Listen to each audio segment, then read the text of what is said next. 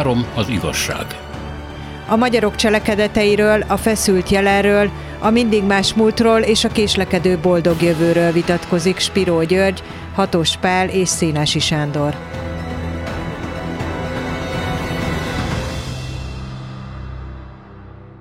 Üdvözlet az uraknak, Hatos Pálnak és Píró Györgynek. A sors úgy hozta, hogy most telefonon fogunk beszélgetni, mert hát két elfoglalt emberről van szó. Az egyikük Hatos Pál ráadásul autóban ül, köszönet neki, hogy így is vállalta, hogy nem ismétlünk egy régi műsort, hanem hallgatóink kérésének megfelelően haladunk tovább új témákkal. Ez a téma most a, a történelem oktatás lenne, vagy pontosabban a nemzet történelem tudata. Legalább három generáció tapasztalta meg, úgy értem három élő generáció, hogy egészen egymástól eltérő történelemkönyvei voltak. Ebből az következhet, hogy legalább három magyar történelem tudat, történet tudat él együtt, és hát ezek attól függően változtak természetesen, hogy miféle rezsimben vagy rendszerben volt az ember iskolás, általános iskolás vagy középiskolás hogy most éppen hol állunk, és onnan jövünk, ezt fogjuk megbeszélni. Volt olyan vélemény, amely szerint tulajdonképpen a Kádár rendszer vége felé már egy ilyen többé-kevésbé egészséges nemzettudat és történelmi tudat kezdett kialakulni, amit, hát hogy mondjam, sokat javított aztán a rendszerváltozás, aztán valahogy elkezdtünk hanyatlani, és ma már ott tartunk, hogy például a terrorháza főigazgatója, erre még visszatérünk, több pontos javaslatában azt mondja, hogy szakítani kell azzal a szemlélettel, ami a nyugat-európai francia-brit történelemre súlyoz, azt érzékeltetve, hogy az általuk bejárt úthoz képest még késésben, sőt eltérésben vagyunk. Nem, mondja ő, mi egy egészen másik ha jól értem, bolygón vagy buborékban vagyunk benne, senkihez képest nem vagyunk elkésve, haladunk a magunk útján. Hát körülbelül ez az, amit most itt föl tudok vázolni. Eh, honnan indulnátok el, amikor erről a kérdésről beszélgettünk, mondjuk Hatospál? Pályámat történelem tanárként kezdtem, de még ennél is fontosabb az, hogy mindig is a történelem volt a kedvenc tanár, eh, tantárgyam, és eh, hát általános iskolába a szocializmus kései hanyatló korszakába jártam, felső tagozatban, és hát olyan tankönyvek voltak, amilyenek, minden évben meg kellett ünnepelni november 7-ét, április 4-ét, és hát a történelem tanításnak szerves része volt, legalábbis a hivatalosnak az, hogy, hogy ezek valamiképpen a magyar történelemnek is a csúcspontjai. Ám szerencsém volt, mert egy olyan pedagógus uh, tanította a történelmet, aki ráadásul átképzett volt, uh, valaha rendőr, aztán pártmunkás, és végül iskolaigazgató, és mégis szabadságot hagyott. Lehet, hogy kevesebbet tudott nálam, aki falta a történelmi könyveket, ismeretterjesztéseket, de minden esetre egy élete meghatározta azt, számomra, hogy a történelmet szabadon lehet értelmezni, és szabadon kell értelmezni. Éppen ezért számomra a történelem tanításban a tankönyvek, a tanterv mindig is másodlagos volt. Lehet, hogy másképp vélekednék erről, hogyha több évtizeden keresztül lettem volna középiskolai történelemtanár, egy fél évtizedig voltam, elég jó eredményekkel, közép, országos középiskolai tanulmányi versenyre jutottak be a diákjaim, és nem is voltak rosszak azok a tankönyvek, amelyekből én a 90-es évek végén tanítottam, de mindig azt éreztem, hogy más is kell, és mindig azt éreztem, hogy, hogy van a diákokban igény arra, hogy otthonról hozzanak forrásokat, és azokat értelmezzük. Tehát számomra első, a történelem oktatás, mint gyakorlati, mint gyakorlati tevékenység, mégiscsak arról szól, hogy a történelem tanárnak és a hallgatóinak valami szenvedélyes kapcsolatot kell kialakítani a múlttal. És minden egyéb másodlagos. De természetesen máshonnan is meg lehet mindezt ragadni. Ez nagyon érdekes, amit mondasz, mert a családi tradíciók erőteljesen meghatározzák az emberek gondolkodás módját, tehát a te tanítványait hajlottak arra, hogy ezeknek a tradícióknak az értékét megmérjék, ugye? Összevessék igen, másra. igen, és összecsapások voltak. Egyiptomi társadalom hierarchikusságáról, a francia forradalomról, vagy éppen egyébként a két világháború közötti történelemszemléletről, mindegyikről lehetett vitatkozni, és számomra pontosan az lenne a fontos, hogy, hogy egy diák számára felragyogjon, hogy a történelem sokféleképpen értelmezhető. Egyszerűen nem is tudom elképzelni az egyféle történelmet. És ez minden rendszerben hajos, de az is biztos, hogy nem mindenki vevő rá. Van, aki szereti a készételeket, és szeretne csak egyszerűen egy, egy tudást megszerezni. Spiro György? Hát nyilván a helyemben most Miklósi Lászlónak kellene itt ülni és elmondania, hogy a történelmi oktatás hogyan alakult az elmúlt évtizedekben. Nekem tulajdonképpen a történelmi oktatásról én 52-ben kezdtem általános iskolába járni. Egyáltalán nincs emlékem, mintha nem is lett volna. És engem a történelem úgy tulajdonképpen önmagában nem is érdekelt soha, tehát nem volt ellentét az otthoni meg az iskolai történelem tanítás között, mert hogy az iskolában nem volt igazán, tankönyvek voltak, tehát ezt be kellett magolni egy kicsit. De a történelmről, mint olyanról otthon nem igen esett nálunk szó. Voltak családi valamilyen történetek, nem nagyon, elég kevésé. Én tulajdonképpen onnan tudom lemérni, hogy mi történt a történelmi oktatással az elmúlt évtizedek során, hogy az egyetemre, hát négy évvel ezelőtt tanítottam utoljára, tehát az egyetemre milyen történelem tudású emberek érkeztek. Ez elég jó képet adott arról, hogy mit tudnak és mit nem tudnak, és azt kell mondanom, hogy rendkívüli hanyatlást tapasztaltam. Na most én természetesen nem vagyok a magolásnak a híve, nem vagyok annak a híve, hogy évszámokat, meg, meg életrajzol, nem tudom miket kell bemagolni, de azért valami alapvető köveket le kéne helyezni. És hát négy évvel ezelőtt, amikor az egyik egyetemi hallgató megkérdezte, hogy mondja már meg a tanár úr, hogy ki élt előbb, Lenin vagy Stalin, akkor úgy rájöttem, hogy én nem nagyon tudok ebbe már beleszólni. Nem volt olyan nagyon régen, Magyarországra is azért volt a Szovjetunió nemi hatása ugye az elmúlt évtizedekben. És irodalmi műveket elemezve nem gondoltam sokáig, hogy nekem a történelmmel kéne foglalkoznom. Az első nagy megdöbbenésem egyébként a 90, 97 őszén következett be, amikor Kardos G. Györgynek az egyik regényét elemeztem az egyetemen. És sokan voltak és egyszerűen nem volt fogalmuk arról, hogy mi történt a második világháborúban. Nem értették, hogy hogy kerülnek lengyelek Palesztinába. Nem tudták, hol van Palesztina. Fogalmuk nem volt, hogy az alatt a négy-öt év alatt mi történt a világban. És hát kénytelen voltam ahhoz, hogy fölfogják a regének a cselekményét, ez a hova tűntek a katonák. Kénytelen voltam úgy mesélni a második világháborúról.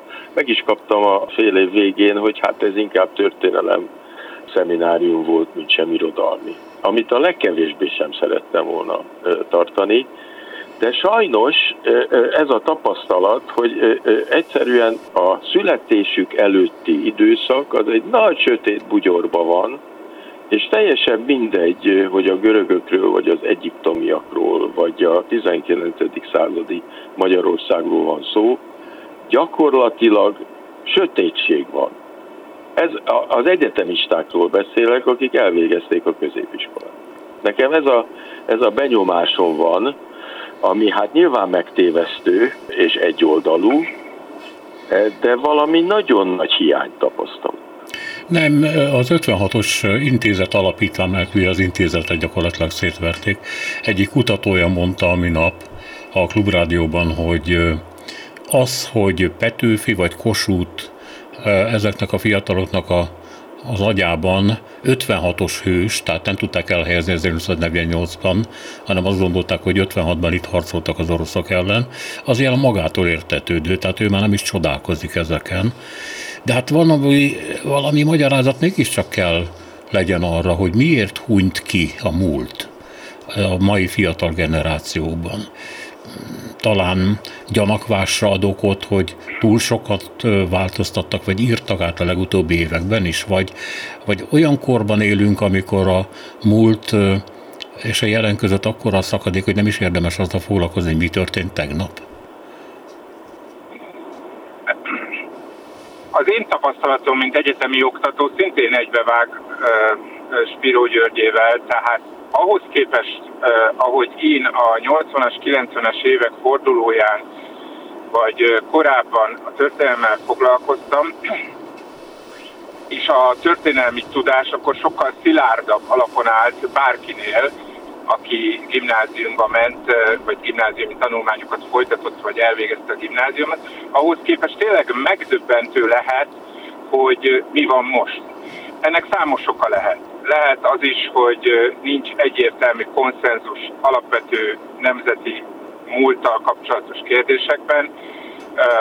Lehet az oktatást övező, hogy is mondjam, kulturális háború, ideológiai használat. Sok minden ilyesmit lehet mondani. Én azt gondolom, hogy mégis alapvetően, amiről szó van, az az, hogy 1988-ban például még sokkal közelebb álltunk 1917 világához, mint a 2023-asok világa 1987-hez. Tehát olyan változások következtek be az ismeretszerzésben, akár az epistemológiában, annyira eltűnt a múlt, annyira eltemetődött abban a fajta univerzumban, amiben élünk, és amiben egyébként gyakorlatilag többé nem történelmi kérdések merülnek föl, hanem eszkatológiai kérdések, hogy meddig tart még az emberiség élete a Földön, megérdemli -e egyáltalán az emberiség, hogy tovább éljen, és egyébként ez beszivárog a történelem elméletben is, az antropocén történetírásban. Tehát én azért azt gondolom, hogy lehet ennek hazai kontextust is, hazai kontextusát is keresni, hogy miért hanyatlik a történelmi tudás, miért lesz egyre kevésbé népszerű a, a, a történelem akár mint stúdium.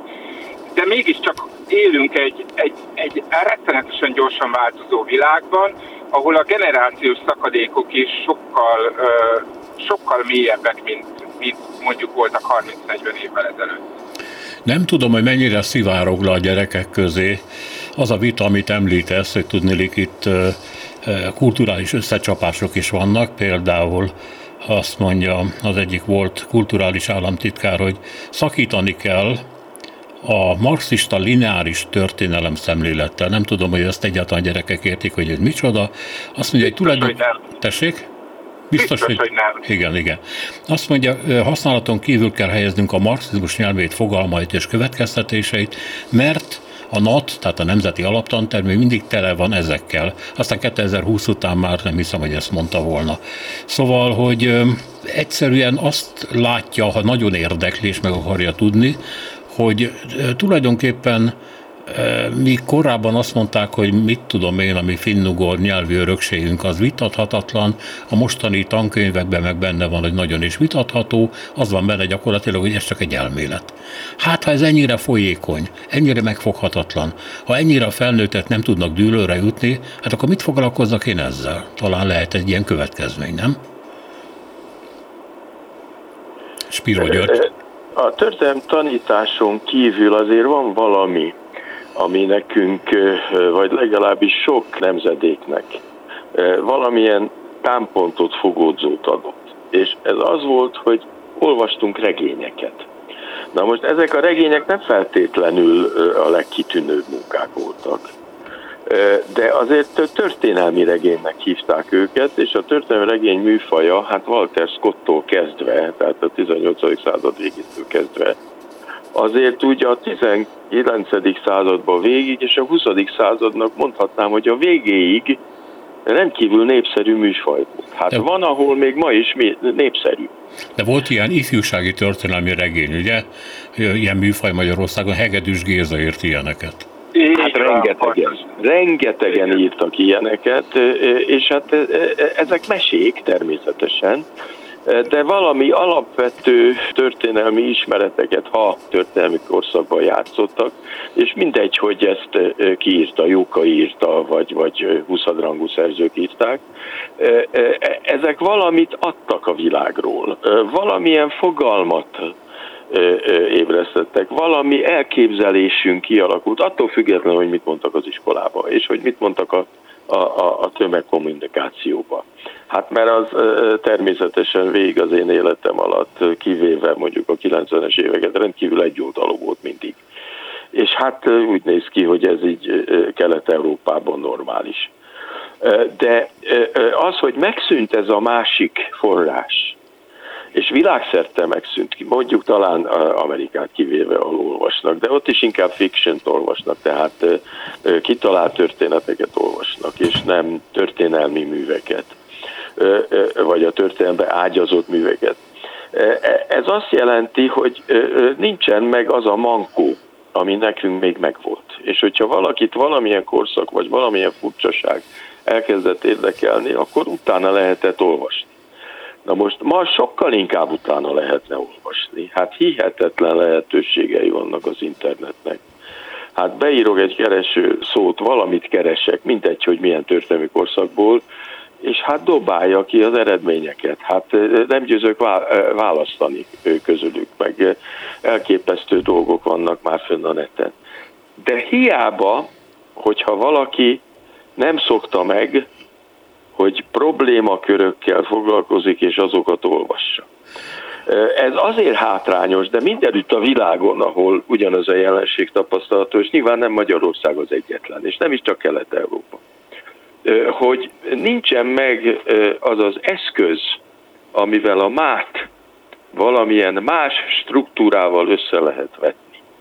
Itt az a baj, hogy ebben az örök mában élve elvész a perspektíva. Itt nem a fejlődés a lényeg, mert hiszen visszafejlődni is lehet, mint tapasztaljuk, hanem az időbeliségnek és az ok-okozati összefüggéseknek a teljes hiánya lép föl. Ez túlmegy azon, hogy történelmi tudás hmm. vagy nem történelmi tudás, ennek semmi köze a lexikához. Ez egy gondolkodásforma. És az örök jelenben élni az azt jelenti, hogy a kritikai gondolkodás minimuma sem lesz meg a gyerekeknek. Hatos Pál az előbb közbe akart szólni, jól éreztem. Talán Hegedűs Nem akartam közbe szólni, de nagyon termékenyek Gyuri gondolatai, és csak ö, ö, tovább szeretném gondolni, amit mond, mondott. Igen, a történelem az egy kritikai tudomány, és a történelem oktatása, a történelem tanítása az iskolában, az egyetemen, általában véve a történelem, mint egy, mint egy vezető, életre nevelő, a politika, a város, a közösség ügyeiben eligazgató, privilegizált ismereti forma azon alapul, hogy a múlthoz kritikusan viszonyulunk, levonjuk belőle a tanulságokat, és megőrizzük belőle azokat a példákat, mintákat, amelyeket hasznosítani tudunk, és ezeket a közösségünk ügyeiben ö, alkalmazzuk. Tehát egyfajta civil reg, religió, tehát egyfajta polgári vallás, ami a felvilágosodás nagy hagyományában az intézményesített, de sok-sok vélelmezetten babonás elemmel gazdagított vallás helyébe lépett volna, vagy lépett is részben, hogy eligazítsa az embert a világában, amelyben tényleg a legfőbb valóság az időbelisége. Az, hogy valahonnan jön, és valahová tart, és ebben a köztes helyzetben, amiben van, meg kell ismerkednie azokkal a dolgokkal, azokkal az eseményekkel, azokkal a hagyományokkal, amelyek az ő családját, közösségét, nemzetét, vagy akár akár Európát, azt a fajta civilizációt formálták, amiben élünk. Na most ez, ez a fajta bizonyosság, hogy erre jó a történelem, ez megrendült. Igen, ez talán a legrosszabb, hogy a történelemben rejlő, vagy a történelmi ismeretben rejlő kritikai potenciál, az, az láthatóan nem hiányzik senkinek, és nincsen rá kereslet. Amire kereslet van, az az elbeszélés, az a mese, az a fantasztikum, a trónok harca, a kosztümök, ami elvarázsol, ami lenyűgöz, ami a hatalmába kerít, tehát most is van történelem, most is használják a történelmet, Hollywood, a, a, a a nagy szórakoztatóipari dolgoknak szükségek van valami fajta történelemre, hát csak ez nem kritikai történelmírás, hanem, hanem gyakorlatilag egy ilyen válogatás ö, ö, innen, onnan, amonnan. Egy történész számára, vagy egy történész, történetileg érzékeny ember számára ez borzalmas, de láthatólag kielégíti azt, a, azt az igényt, amit az örök mában élő ö, mai ember vár attól, hogy, hogy egy kicsit megborzongjon ö, létének, ö, helyzetének ö, ismeretlen ö, faktorai iránt. Tehát gyakorlatilag a múlt, mint egy izgató, félelmetes, borzongató mese bontakozik ki, aminek Így semmi van. köze hozzánk izgató, egyfajta kábítószerként van esetleg rá szükség, ami elzsongít, vagy éppen mámorossá tesz, de semmiképpen sem egy józan kritikai, akár a saját esendőségünket, nemzetünk esendőségét, vagy akár az európai közösség esendőségét megmutatná. Igen, a perspektívák tűnnek el. A linearitás az nem marxi találmány volt, nyilvánvaló Marx is belépett egy hagyományba, ami ami egy szekularizált történet volt, hogy az emberiség egy egyszeri történelemben él, és, és halad valahonnan valahová. Én egyébként nem vagyok híve annak, hogy ezt erőltetni kéne, de nyilvánvaló, hogy kilóg a lóláb, amikor ilyesmit támadunk, és legfontosabb az, hogy, hogy ezek a fogalmak, vagy ezek a viták, ezek, ezek 40-en fölüli embereket mozgatnak meg. A többiek számára ez egyszerűen kínai.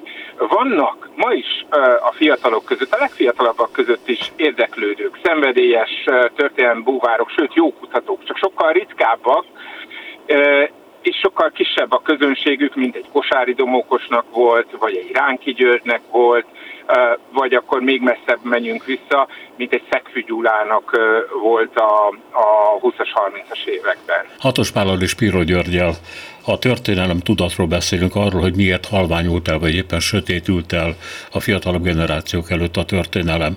Próbáljuk megnézni azt, hogy hogy miféle változatok születtek az elmúlt időszakban, mondjuk a monarchia óta, hányszor kellett újra tanulnia a magyaroknak a történelmet, hova kerültek a hangsúlyok, és persze el kell jutnunk oda, hogy most éppen hol vannak. Hát van egy olyan megfogalmazás, hogy a történelmoktatás célja, visszatérek a terrorháza főigazgatójának a pontjaihoz, öntudatos és büszke magyar polgárok nevelése.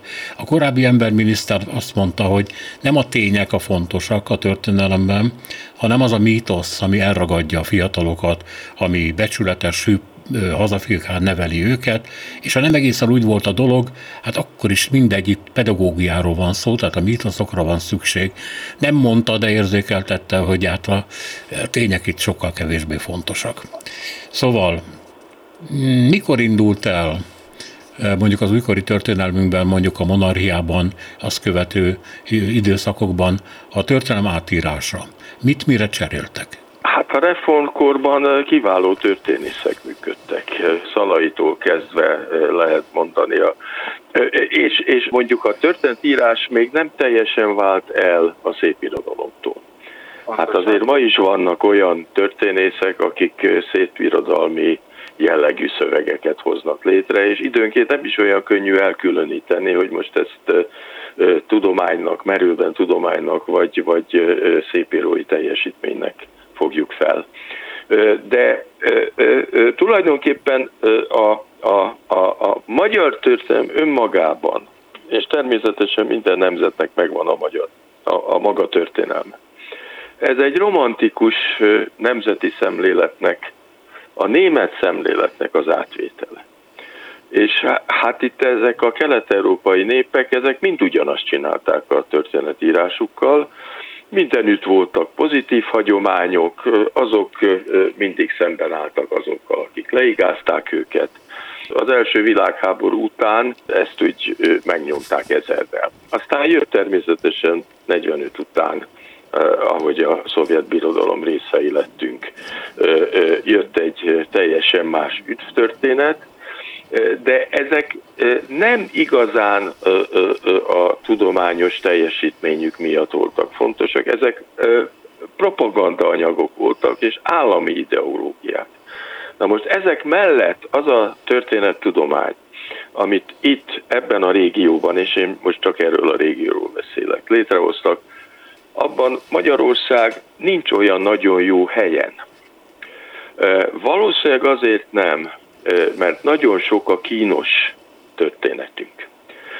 Természetesen a lengyeleknek is rengeteg kínos történetük van, de mégis úgy nézem, hogy sokkal könnyebb dolga van egy lengyel történelmi regényt író embernek, mint egy magyar történelmi regényt író embernek.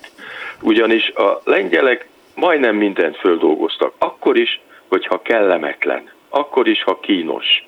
Mert az, hogy lengyel csinált mondjuk disznóságokat, az a lengyel történelem része.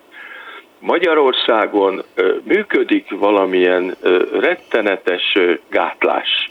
Én ezt tapasztalom, hogy a kínos történeteket jobb nem megírni és jobb elhallgatni.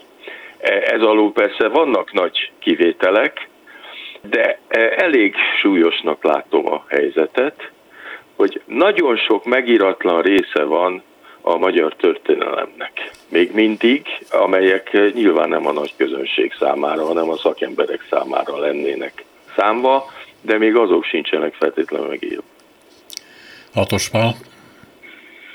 Érdekes a kérdésed, ami a, a monarchia óta a történelmi szemléletünket illeti ha nagyon kritikusak akarok lenni, akarunk lenni, akkor láthatjuk azt is, hogy a monarchia alatt is ideológia vezérelt volt ez a, ez a nagyszerű történetírás.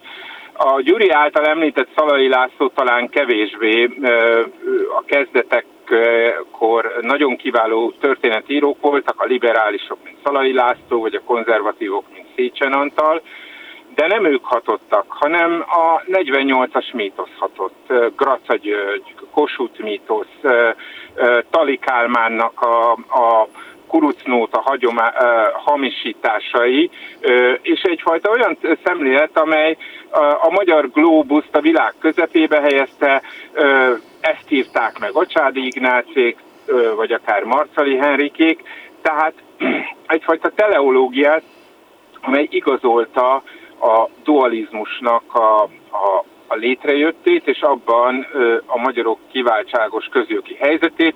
Érdekes volt ez a helyzet, mert egyfelől, egyfelől például nem nagyon akarta, sőt, egyáltalán nem akarta elismerni a nemzetiségeknek a magyarokkal egyen rangú, egyen jogú államalkotó lehetőségét, képességét. Még olyan nagyszabású figura, mint Jókai Mór sem. Hát ismeretes, hogy van az a nagy sorozat, ki is adták nemrégiben díszes reprintben, meg a neten is elérhető, az monarchia írásban és képen.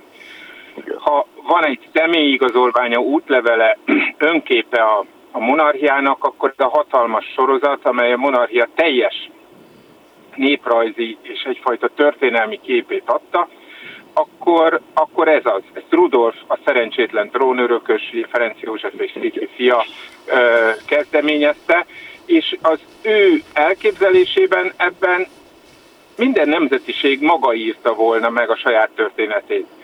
De jött ö, ö, Jókai Mor, és meggyőzte fejedelmi barátját arról, hogy Magyarországon a magyarok írják meg az erdélyi román megyék történetét is, kivéve a horvátországi megyéket, azt, azt, azt megengedték, hogy a horvátok megírják. Ezt a munkát egyébként ugye lefordították horvátra, csehre, németre, magyarra, stb. Ugye Magyarországon a értelemszerűen a magyar verzió hódított.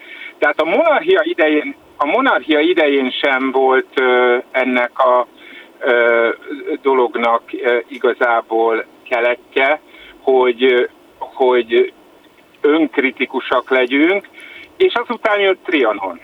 És a revízió vágya, a sérelem, a szégyen, hogy egy birodalom bukott, akármennyire is ez nem volt egy független birodalom, hanem, hanem egy középhatalom része volt, szükségszerűen torzította a képet, a nem-nem soha, a mindent vissza, a neonacionalizmus, a magyar kulturális fensőbbségtudat mozgatta az akkori művelődést, és ennek is voltak egyébként nagyon-nagyon színvonalas képviselői Miskolci Gyulától elkezdve Hajnal Istvánon keresztül Szegfű Gyuláig, vagy akár Májusz Elemérig, de nem lehet elfelejteni ezt a kontextust, ezt az alapvető sérelmet, a, a trianoni traumát, amely mozgatta. Aztán jött 45, akkor újra kellett mindent írni. Egyébként érdekes módon Rákosiék igazából egyfajta kommunista nacionalizmus tettek, nem 19, nem Kunbéla, Kunbéla ugye akkor Sztálin áldozata volt, a nevét sem lehetett említeni, hanem Kossuth és Petőfi volt a magyar kommunistáknak az előképe. Lobogón Petőfi, jött, igen. Lobogón Petőfi, aztán jött 56, és akkor Kádár megint csavart egyet, szó sem lehet nacionalizmusról, Persze március 15-ét így úgy szordizomban megünnepeljük, de azért mégiscsak a forradalmi ifjúságok nap, napjaiba beleillesztjük, és március 21-e, azaz a tanácsköztársaság kikiáltása legalább akkora ünnep, legalább akkora jelentőségű, mint március 15-e és a történelemkönyvek akkor is, hogyha nagyon kiváló történészek voltak, akik látták, hogy milyen torzítás, mégiscsak ezt adták vissza egészen a 80-as évekig, és aztán természetes, hogy lehet, hogy a gyakorlat más volt. Tehát, hogy az iskola padjaiba, főleg a fővárosban, főleg a liberálisabb iskolákban szabadabban lehetett vitatkozni, de a tananyag mégiscsak egy ilyen, ilyen hivatalos konzerv dolog volt.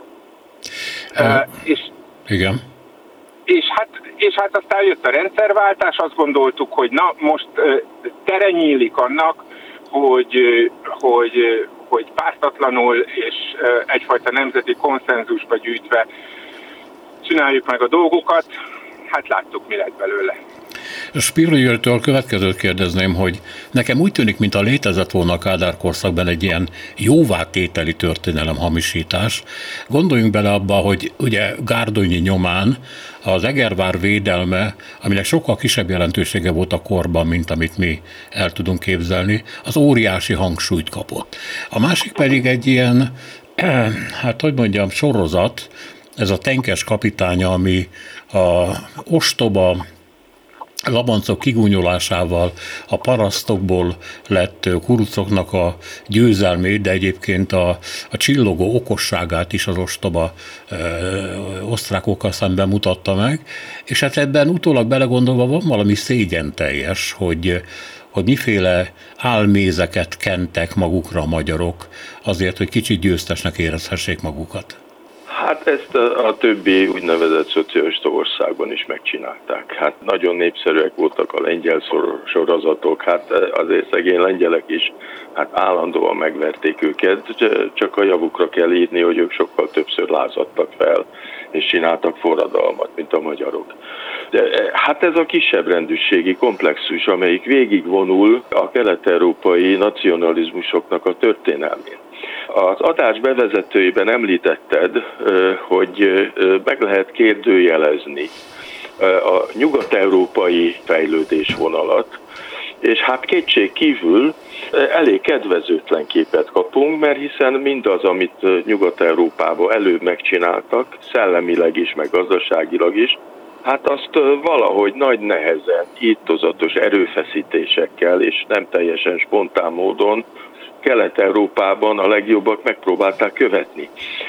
És hát ma is látjuk, hogy föl lehet darabolni ezt az Európát, és Közép-Európa legalábbis gazdaságilag ugyanott van, ahol volt, annak ellenére, hogy óriási erőfeszítések történtek a fölzárkóztatásra. Ezt azért nem szabad elfelejtenünk.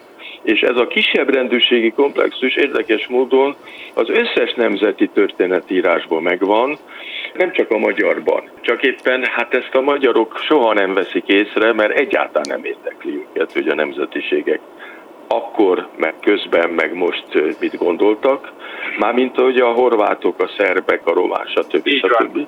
Ez és fontos, ezek, a nemzetis, ezek a nemzetiségek, ezek pedig azt tagadják le, amit a magyaroktól kaptak. Ahogy mi letagadjuk, hogy mit kaptunk az osztrákoktól például.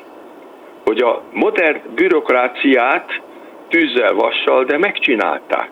Amit így is, úgy is meg kellett volna a modernitás jegyébe csinálni. Csak hát ők hajtották végre, ugye a Bach.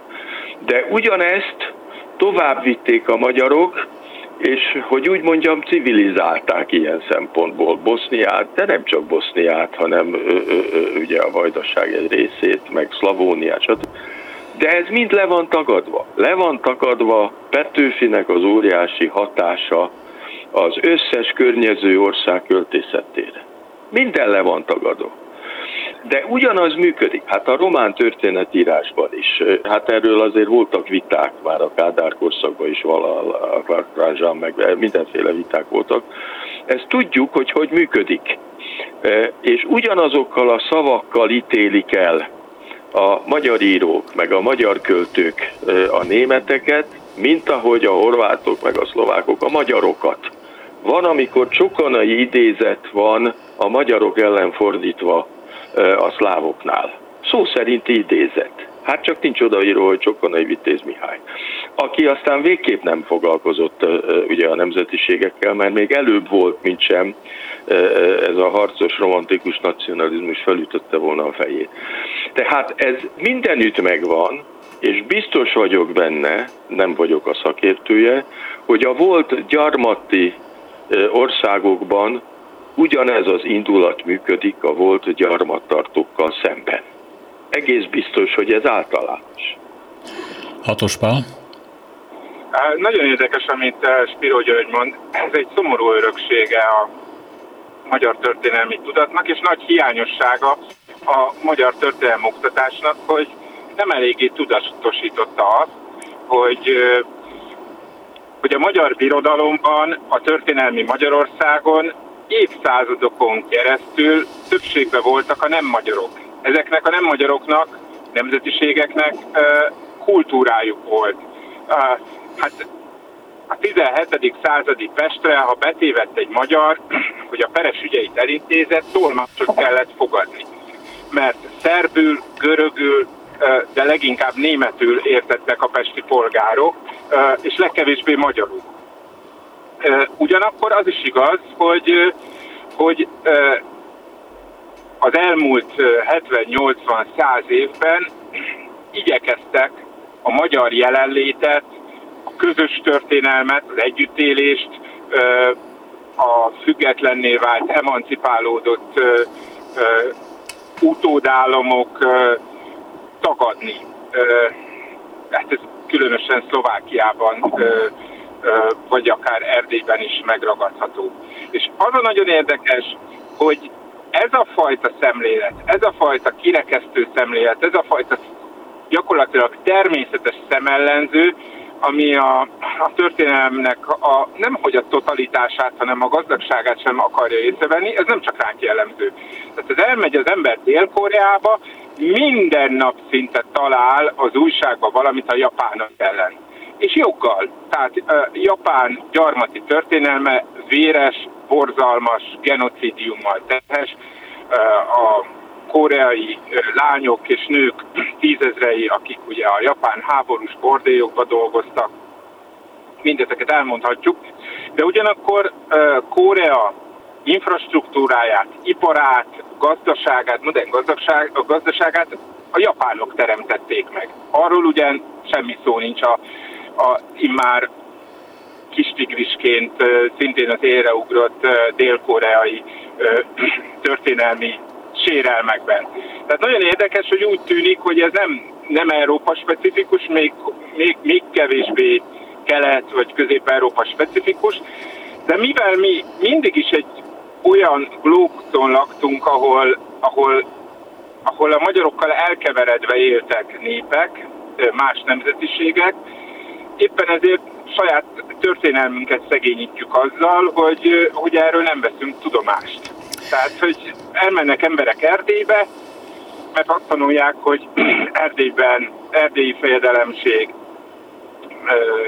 Gyula, meg stb., mintha csak magyarok lennének. És, és, és nem veszik észre, hogy ott, ott egy évezredes román történelem is lezajlott, törmény történelem. És hát akkor ne beszéljünk arról, hogy, hogy mennyire van rendben például a zsidó-magyar együttélés, a zsidó közösségek változó jelenléte Magyarországon, ennek a dinamikája. Tudunk erről valamit? Benne van ez a tananyagban? Említés szintjén is? Hát alig, ha hiszem, hogy a, a, a fontosságának megfelelő módon lenne ez prezentálva. Végül a mai történelemkönyvekről azt mondják a szakértők, hogy hát először is ott van az a javaslata a terrorháza már idézett fő vezetőjének, hogy a általános iskolában csak magyar történelmet kéne tanítani. Majd a középiskolában tanítunk valami egyetemes történetet, de hagyjuk ezt a Nyugat-Európa központúságot, és valóban a történelemkönyvek, itt a nyolcadikosokról beszélek, a fókusz elmegy keletre. Tehát Tajvan, vagy Kína, vagy India kerül szóba, Afrika egyáltalán nem. És hát az, hogy tulajdonképpen mi ezzel a kelettel vagyunk valamiképpen szinkronban, a késettségünk Nyugat-Európához képest az mondjuk egy kommunista mítosz. Ez az eltérés, ez nem tudom, mennyire lesz sikeres a fiatal generációknál. Ha azt vesszük, hogy egyáltalán nem érdekli őket a történelem, akkor persze nem, de hát ez nem ilyen egyszerű. Mit gondol erről Spiro György?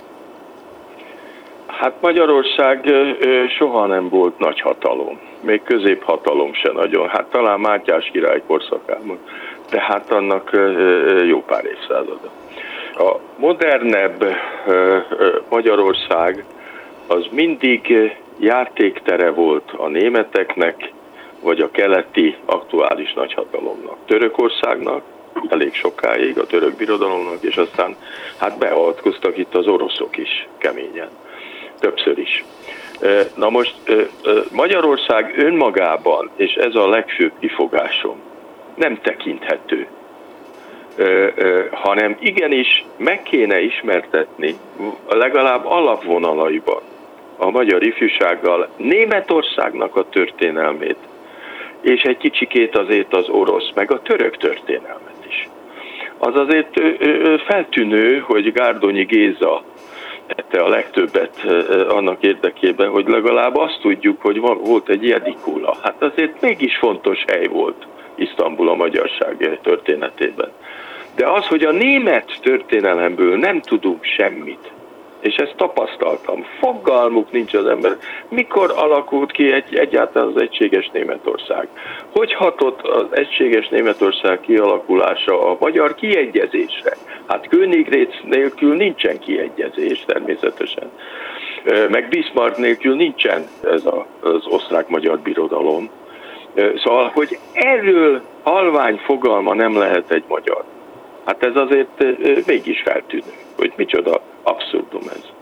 És arra, hogy amit mondtam, nyolcadikban csak magyar történelmet tanítani. Nincs olyan érzésetek, hogy valahogy be akarnak bennünket zárni a saját kis mesés történetünkbe, úgy értem a mítoszainkba, és elzárni attól a tudástól, amit a nyugat, vagy éppen más országok is jelentenek?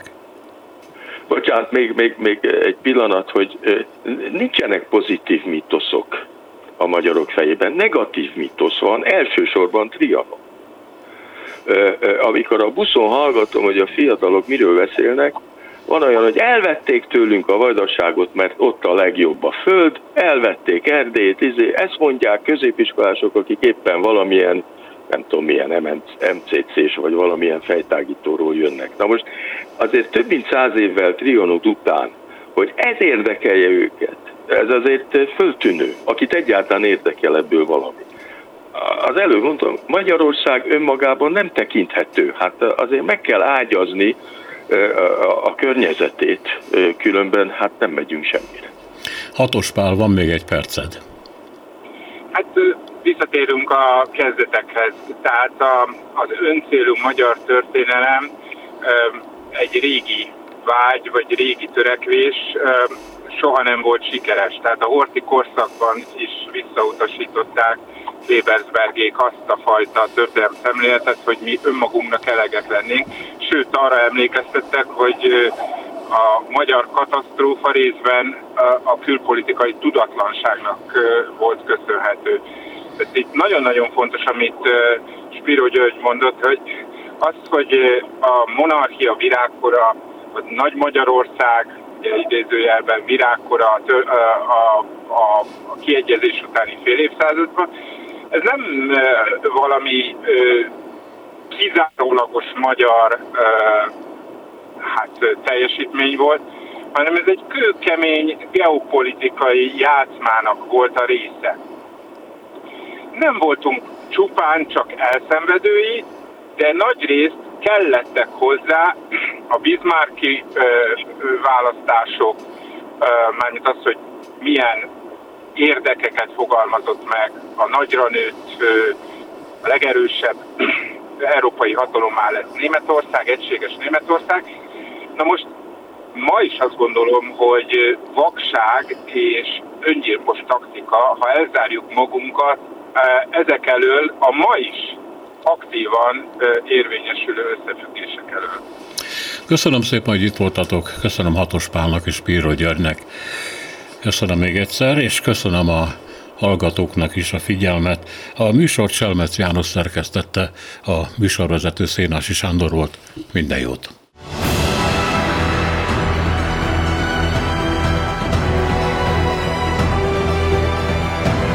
Három az igazság. Szénási Sándor műsorát hallották.